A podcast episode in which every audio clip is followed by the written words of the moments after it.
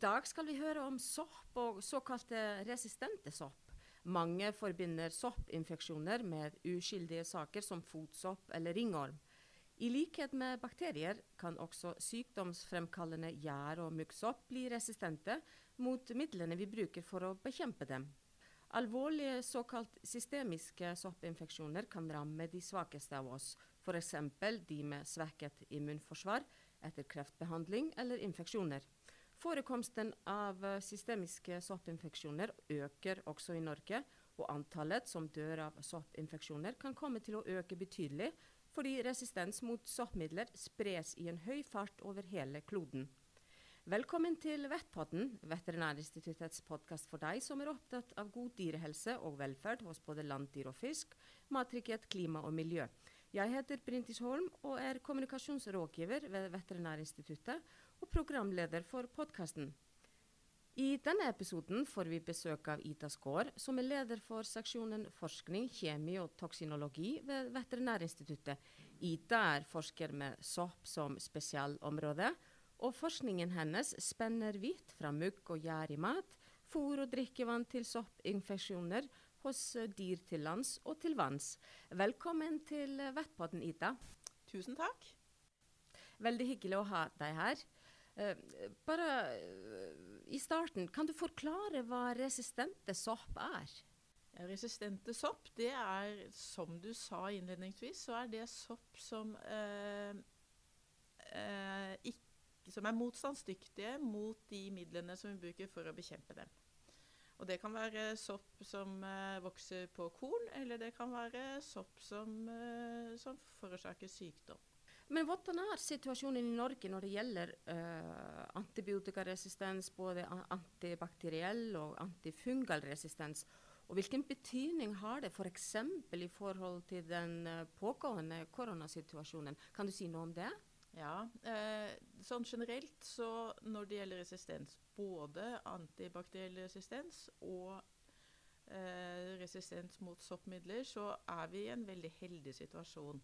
Og vi det er veldig mye bedre stilt her i Norge enn veldig mange andre steder i verden. Eh, regjeringen eh, har jo sagt at Norge har en spesiell, eh, spesielt ansvar for også å hjelpe andre land til å få en bedre situasjon i forhold til eh, antibiotikaresistens. For antibiotika det innebefatter også antimikotiske midler, altså de midlene som brukes mot eh, mot sopp. Uh, ja, så, så, så, situasjonen per i dag ser ganske lys ut. Men som du sa, så spres resistensen i en foruroligende fart. Så vi kan ikke hvile på våre laurbær hel her heller. Så vi er nødt til å gjøre noe med situasjonen og være føre var. Og kanskje vi har noen råd å komme med til andre.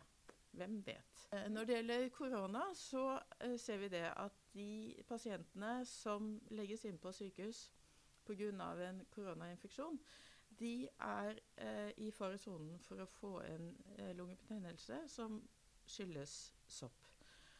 Og så har vi veldig få midler å behandle soppinfeksjoner med. Og hvis de midlene er resistente og ikke virker, så vil du få en høyere dødelighet. Og dette er noe som vi ikke bare ser i forbindelse med korona, men også eh, som etter infeksjoner etter f.eks. influensa.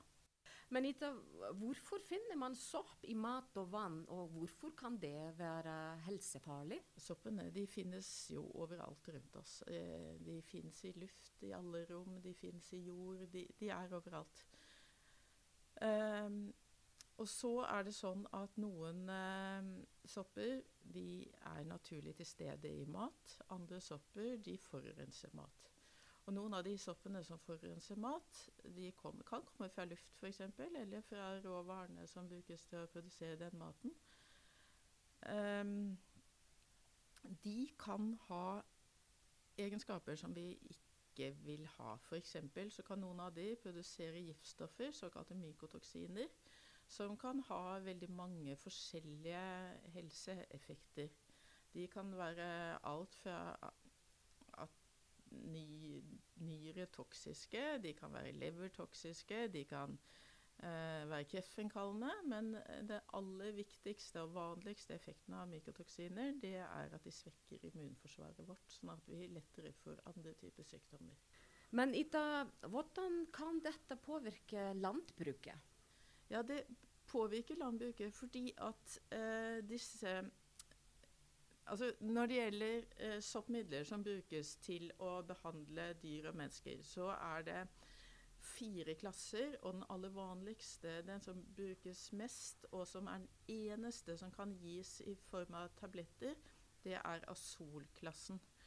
Og azolene de brukes ikke bare til å behandle infeksjoner hos dyr og mennesker, de brukes for å sprøyte kornåkeren, de brukes eh, for å behandle treverk, de brukes i maling for å hindre myggvekst, De, eh, golfbaner sprøytes med azoler. Det er ikke akkurat de samme azolene, men de er, eh, det er samme klasse kjemikalier, og de er veldig nært beslekta. Og Derfor blir det en såkalt kryssresistens. Sånn at eh, de azolene som brukes i landbruket, de kan påvirke soppene, eller gjøre at andre sopper også blir eh, resistente mot azoler. Og disse soppene kan da gi infeksjoner. Og så er det sånn at vi kan ikke bare slutte å sprøyte kornåkrene, at det er et eh, matsikkerhetsproblem eh, knytta til dette her.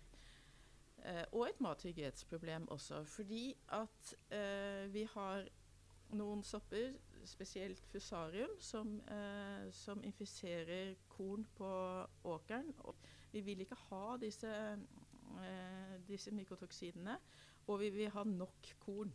Eh, så vi vil ta vare på matsikkerhetsaspektet.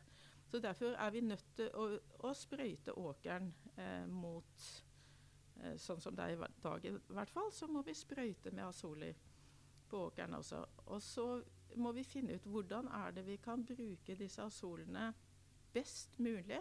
Sånn at vi både kan ta vare på matsikkerhet, mattrygghet, og sikre at vi har eh, midler som virker mot soppinfeksjoner hos mennesker og dyr. Men uh, hvordan uh, forsker Veterinærinstituttet på dette her, og hva, hva, kan det, eller hva bidrar det til? Veterinærinstituttet eh, forsker på dette her sammen med Rikshospitalet og sammen med NIBIO. Eh, og også landbrukets eh, forsøksringer, for å finne ut hva er det vi kan eh, gjøre for å ivareta både matsikkerhet, mattrygghet og helseproblemer. Akkurat eh, nå så driver vi og samler inn prøver fra gårder for å se om det fins resistente sopper i norske gårder, som både kan være et problem for dyrehelse og for de som faktisk jobber i fjøset, bøndene. Og hva ønsker dere å få ut av det? Det vi ønsker å få ut av det, det er i første omgang å finne ut hvordan er situasjonen her i Norge. For det vet vi faktisk ikke nå. Vi vet veldig mye fra andre land. Og vi vet at f.eks. i Danmark så er asolresistens et stort og økende problem. Og det har, eh, Asolresistens har spredd seg til alle kontinenter i løpet av de ti siste årene. Og sånn som det er i dag, så er det over én million mennesker som dør årlig av soppinfeksjoner. Og med en økende solresistens og med klimaendringer som gjør at soppene får bedre vilkår for vekst, så vil antagelig dette problemet øke betydelig, og sannsynligvis også i Norge. Men sånn avslutningsvis, eh, Ida. Uh, hva er det med sopp som du syns er så fascinerende? Hvorfor valg, valgte du å forske på nettopp det? Sopp er en veldig fascinerende gruppe organismer. De er, jo, de er veldig nært beslekta fylogenetisk med dyrene, så det ligger veldig nært opp til Veterinærinstituttet å forske på de, selvfølgelig så er det, det er en veldig stor diversitet. Eh, de er utrolig vakre, f.eks., så det er jo et eh, aspekt. Men så har de så mange egenskaper. Altså de har, nå har vi vært inne på de negative egenskapene.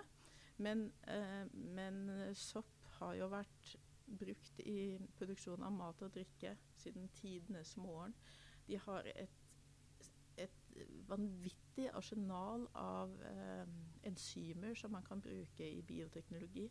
De har, de har alt. Tusen takk for uh, samtalen, Ida Skaar. Takk skal du ha.